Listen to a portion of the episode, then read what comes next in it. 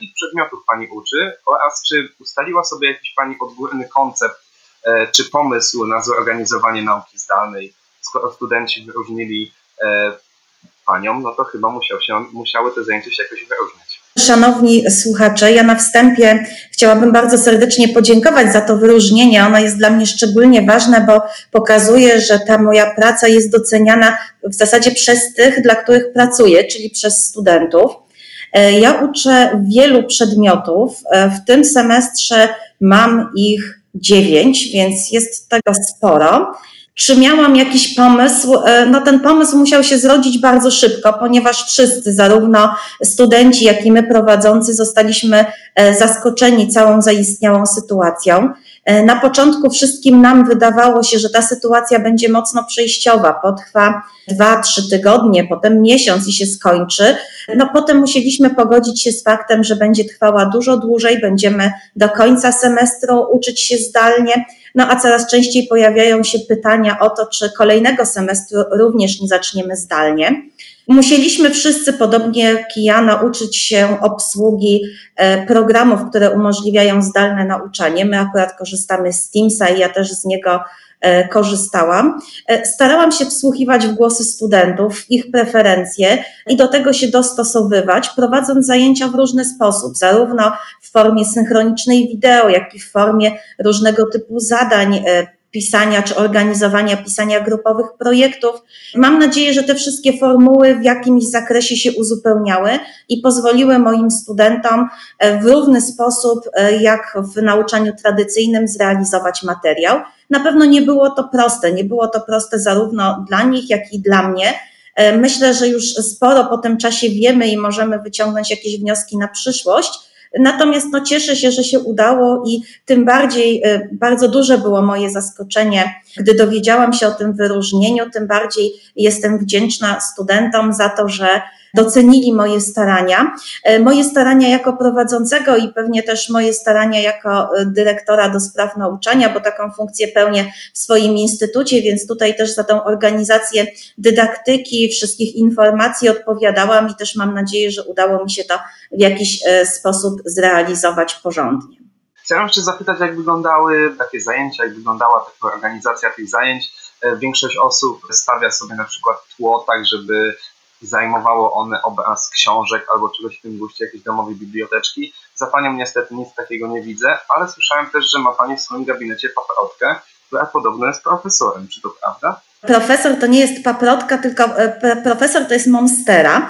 Niestety nie jestem w stanie tak ustawić, e, ustawić e, tła, żeby profesora było widać, a nazywa się profesor dlatego, że dostałam to od gamy od, od zespołu moich współpracowników w momencie otrzymania funkcji profesora uniwersytetu i stąd ma taką sympatyczną nazwę profesor.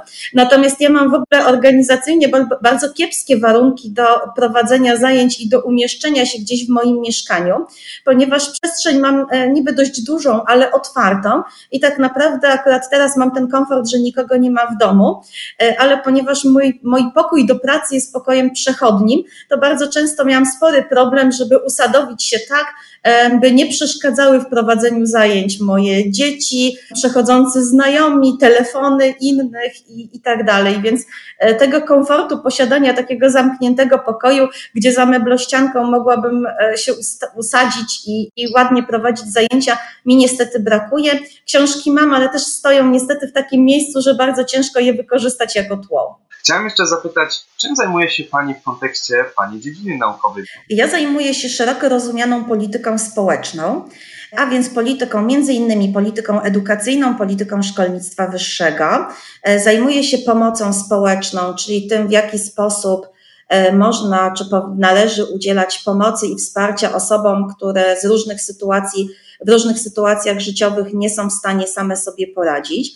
E, zajmuje się również organizacjami pozarządowymi i ekonomią społeczną, a więc takim sektorem gospodarki, w którym ludzie podejmują działalność gospodarczą, ale prowadzą ją nie dla zysku, ale prowadzą dla wspólnego dobra, między innymi po to, aby stwarzać miejsca pracy tym, którzy na e, takim klasycznym wolnym rynku nie są w stanie sobie poradzić.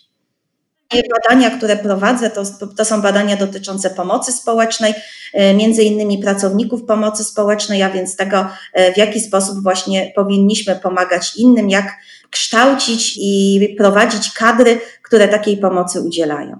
Chciałbym na chwilę wrócić do czasów studenckich, kiedy Pani się uczyła, kiedy Pani była studentem. Czy zapamiętała Pani jakichś ciekawych wykładowców za Pani czasów? Może czy ulubieni to byli Ci najbardziej ostrzy, a może Ci najbardziej łagodni? Czy był jakiś wykładowca, który najbardziej Pani zapadł w pamięć? Ja studiowałam dwa kierunki. Studiowałam politologię i studiowałam socjologię, więc tych wykładowców miałam dość sporo.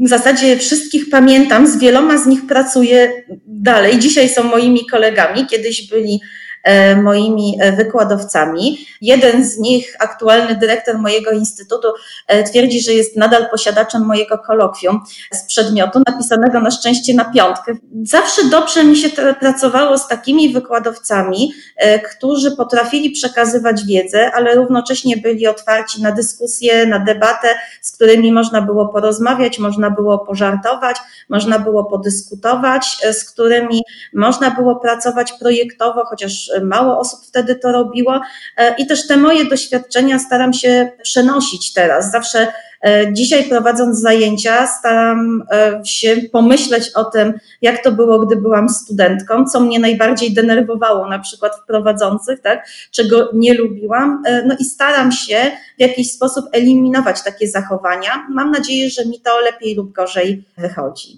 A teraz odwrócone pytanie. Może jaki jest najgorszy wzór studenta? Czy może jest to ten, ten student, który zawsze siedzi w rogu i nigdy się nie udziela? Czy może ten, który dużo mówi, ale mało robi? To w ogóle jest bardzo trudne pytanie o studentów, bo tak naprawdę powinniśmy i pracujemy ze wszystkimi. E, studenci bywają faktycznie bardzo różni. Mi najlepiej pracuje się z tymi, którzy e, nie tylko mają wiedzę, ale mają też chęci do pracy, włączają się w dyskusję, włączają się w debatę, włączają się w realizację różnego typu projektów. Wiem, że taka cała ekipa studentów, z którymi mi się bardzo dobrze pracuje, była właśnie inicjatorami tej akcji zgłoszenia mojej kandydatury do państwa, bo już zdążyłam przeprowadzić małe śledztwo e, w tej sprawie.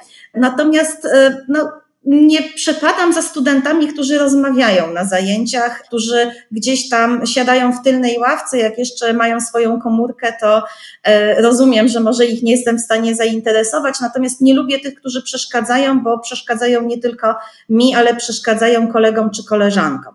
E, natomiast e, no myślę, że jakby recepta na dobrego studenta nie jest taka prosta.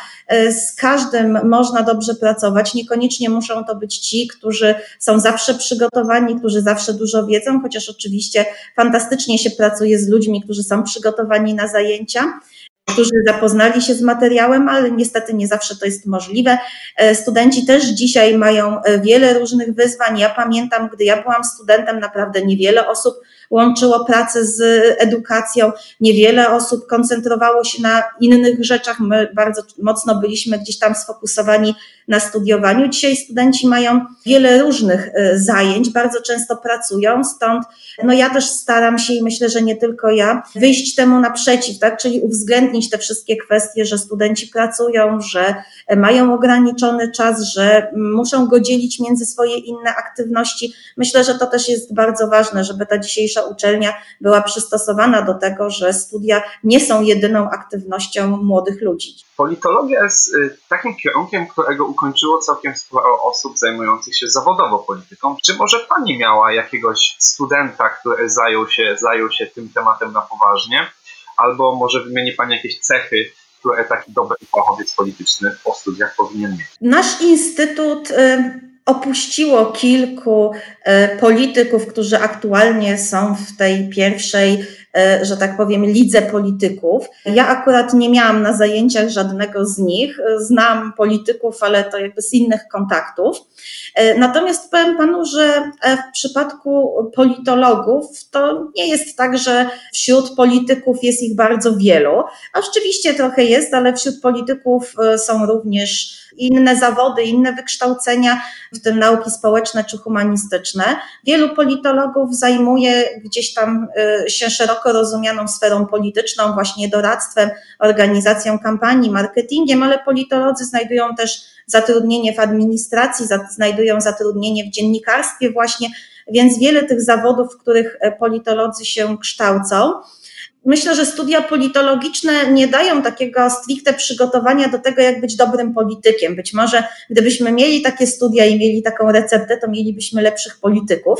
Natomiast na pewno dają taką szeroką umiejętność i szeroką wiedzę poruszania się w świecie społecznym, która między innymi w polityce również może być wykorzystana.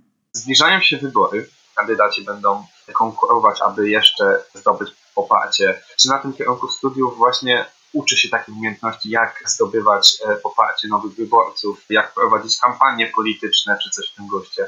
Tak, prowadzi się. My mamy dwie takie specjalności, które są skoncentrowane na takich umiejętnościach. To jest przywództwo polityczne oraz marketing polityczny, bardzo lubiany i często wybierany przez studentów.